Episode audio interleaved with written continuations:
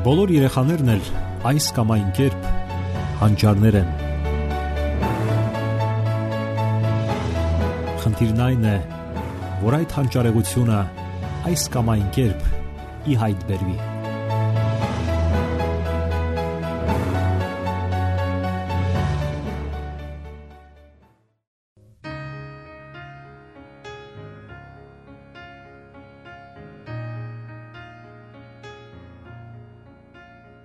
Բարև ձեզ սիրելի ռադիո լսողներ։ Եթերում դասերակցություն հաղորդաշարն է։ Երբ են երեխաները վստահում ծնողներին։ Սա կարևոր հարց է յուրաքանչյուր ծնողի համար։ Ասենք են սկզբից, որ խստությունը կամ որ ավելի վատ է կոպտությունը երբեք չի կարող գravel երեխայի վստահությունը։ Իսկ ահա դաժանությունը արդեն վանում է ընդհանրապես Մի փորձեք նաև պայմանավորվել երեխաների հետ։ Այդ դեպքում մշտական առևտրական գործարքների մեջ կլինեք եւ ի վերջո կկորցնեք ձեր հեղինակությունը։ Իսկ ինչ է նշանակում կորցնել հեղինակությունը երեխաների մոտ։ Դա նշանակում է, որ երեխաները այլևս չեն հարգում այդ մարդու խոսքերն ու զգացմունքները եւ ի վերջո չեն ընդունում նրան եւ չեն հնազանդվում։ Փորձենք հասկանալ, թե ինչ է նշանակում շփվել երեխայի հետ։ Շփվել երեխայի հետ նշանակում է սովորեցնել նրան վարքագծի ու կենցաղի կանոնները ինչպես կազմակերպել կենցաղը, ինչպես տեղաբաշխել տնային պարտականությունները, ինչպես սովորեցնել հիգիենայի կանոնները։ Այս ամենի վերաբերյալ պետք է լինի կանոնների մի ամբողջ ցուցակ, որին անպայմանորեն հարկավոր է հետևել։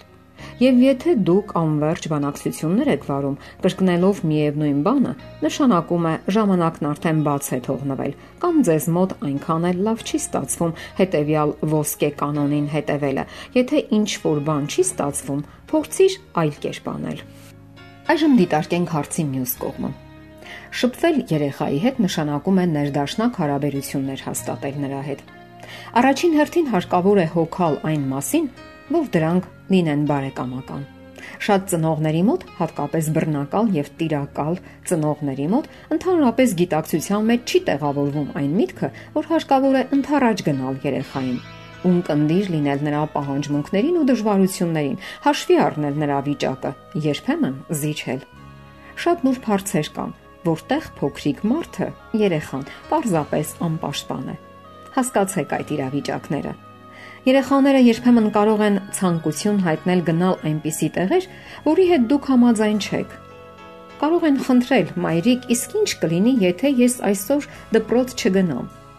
Նման դեպքերում դուք պետք է նախորոք կշռադատեք ձեր պատասխանները եւ կտրուկ եւ անբեկանելի որոշումներ չկայացնեք։ Երբ դուք փորձում եք հասկանալ երեխային, մտածում եք ձեր պատասխանի շուրջը, ձեր հարաբերությունների մեջ շատ բան է փոխվում։ Եթե ձեր սկզբունքը հետևյալն է՝ ես ասացի եւ վերջ, այդ ժամանակ ձեր բարեկամությունը երբեք չի ստացվի, որովհետեւ ձեր հարաբերությունների մեջ չկա բարյացակամություն, չկա երեխայի աշխարհը թափանցելու ցանկություն եւ պատրաստակամություն անգամ դուք սկսում եք նմանվել պատերազմական իրավիճակում գտնվող եւ իր ենթականերին անբեկանելի հրամաններ տվող գեներալի։ Շատ կարևոր է լսել, հաշվի առնել երբեմն զիջել եւ որ ամենակարևորն է, այնպես վարել զրույցը երեխայի հետ, որ նա վստահորեն հայտնի ձեզ իրեն անհանգստացնող հարցերը, այն, ինչը նրա հոգում է եւ լեզվի վրա։ Գոյություն ունեն հսկայական քանակի իրավիճակներ։ Ուսուցչուհին երկուս է նշանակել, վիրավորել է, երեխան ուշացել է դասերից, հիմնախնդիրներ ունի ընկերների հետ եւ այլն եւ այլն։ Այս բոլորը հուզում են եւ անհանգստացնում նրա մանկական եւ նույնիսկ պատանեկան հուզաշխարը։ Եթե նա պատմի այդ բոլորը, դուք հնարավորություն կունենաք օգնելու նրան եւ դա նոր լիցք կհաղորդի ձեր հարաբերություններին։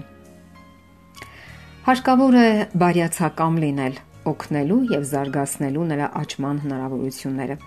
Եթե նա դժվարությամբ է ինչ որ բան անում, պետք է առաջարկեք ձեր օգնությունը։ Ժամանակ տրամադրեք դրան Դուք տեղաբաշխում եք պարտականությունները եւ նա տեսնում է, որ դուք նաեւ պատրաստ եք օգնել իրեն։ Ապա տեսնում է, որ միասին ավելի արագ եք անում, հետքեր չեք թողնում, շուրջը ոչինչ չի թափրտվում եւ կարգու կանոն է։ Այստեղ մի զգուշացում։ Պետք չէ որ զոհաբերեք ձեզ։ Ձեր դիրքը, ձեր տեսակետը։ Ընտանիքում գոյություն ունեն անխախտ արգելքներ, որոնք չի թույլատրվում խախտել ոչ երեխաներին, ոչ մեծահասակներին։ Օրինակ, ընտանիքում ոչ մի կոպտություն։ Բնականաբար սա վերաբերում է նաև մեծահասակներին։ Կամ ուտել միայն սեղանի շուրջը։ Եթե երեխան չի ցանկանում ուտել, թող չուտի, սակայն չի կարելի նաև պատառներ փախցնել եւ այս ու այնտեղ ծամել։ Իսկ քնելու ժամը հարկավոր է քնել 10-ին Ուշացումներ 5-10 րոպե հնարավոր է։ Սակայն եթե ձգձգվում է 1-ից 2 ժամ, ապա մեղավորը ծնողն է։ Բացառություններ իհարկե հնարավոր են։ Եթե 1 ամիս տնից բացակա հայրը տուն է գալու ժամը 11-ին, երեխան կարող է եւ սպասել։ Կամ ասենք ամանորյա տոներն են։ Նույնիսկ 7-8 տարեկանները կարող են դիմավորել ժամը 12-ը։ Նման դեպքերում մենք լսում ենք երեխաներին եւ ընթառաջ գնում նրանց կանոններին նման խախտումները երբեք երես չեն տա երեխաներին եւ չեն խախտի սովորական գրաֆիկը։ Ինչու են ծնողները, հատկապես խիստ ծնողները, վախենում զիջել, որովհետև վախենում են, որ դա կդառնա սովորություն։ Իսկ իրականում հարկավոր է երկխոսություն։ Քունը չի տանում։ Միգուցե պատճառներ կան։ Արի տեսնենք, թե ինչ է պատահել։ Դպրոց չես ցանկանում գնալ։ Ընդհանրապես դպրոց հարկավոր է ամեն օր գնալ Բացառություն հնարավոր է կանոնից, սակայն միայն բացառություն։ Եվ միշտ հիշեք դրական տրամադրվածության եւ բարյացակամության մասին։ Զիջելու եւ լսելու համար հարկավոր է իմանալ երբ, ինչում եւ ինչպես։ Սա նման է ձկնորսության։ Երբ խոշոր ձուկը կուլ է տալիս խայծը, հմուտ ձկնորսը ուժեղ չի թափահարում կարթը, որովհետև նա կարող է փոկվել եւ ընկնել։ Ճիշտ այդպես էլ երեխան կարող է փոկվել կարթից, ընկնել եւ դադարել լսել մեզ։ Որսալու այդ ողջ գործընթացը տեղի է ունենում աստիճանաբար։ Այն կարելի է ներկայացնել այսպես. երկու տարբեր մեթոդների օգնությամբ։ Բաց ենք թողնում, ձգում, բաց ենք թողնում, ձգում։ Եվ դա երկարաժամկետ դասյարակություն է։ Ոչ թե մեկ օրվա գործընթաց։ Մենք գործ ունենք մարդկային անհատականության հետ ձևավորվող եւ եզակի մի աշխարհ, ով սովորում է ընկնում, կանգնում, ընկնում ու կանգնում։ Նաեւ այսպես է ձեռք բերվում վստահությունը։ Իսկ ավելի ճիշտ, հենց այսպես է ձեռք բերվում։ Հարկավոր է շահել երեխայի վստահությունը։ Այն անհրաժեշտ է երկուսի դել։ Սիրելի ռադիոլսողներ, եթերում դասերակցություն հաղորդաշարներ։ Ձեզ հետ է Գեղեցիկ Մարտիրոսյանը։ Ձեզ ուզող հարցերի համար կարող եք զանգահարել 093 00 63 27 կամ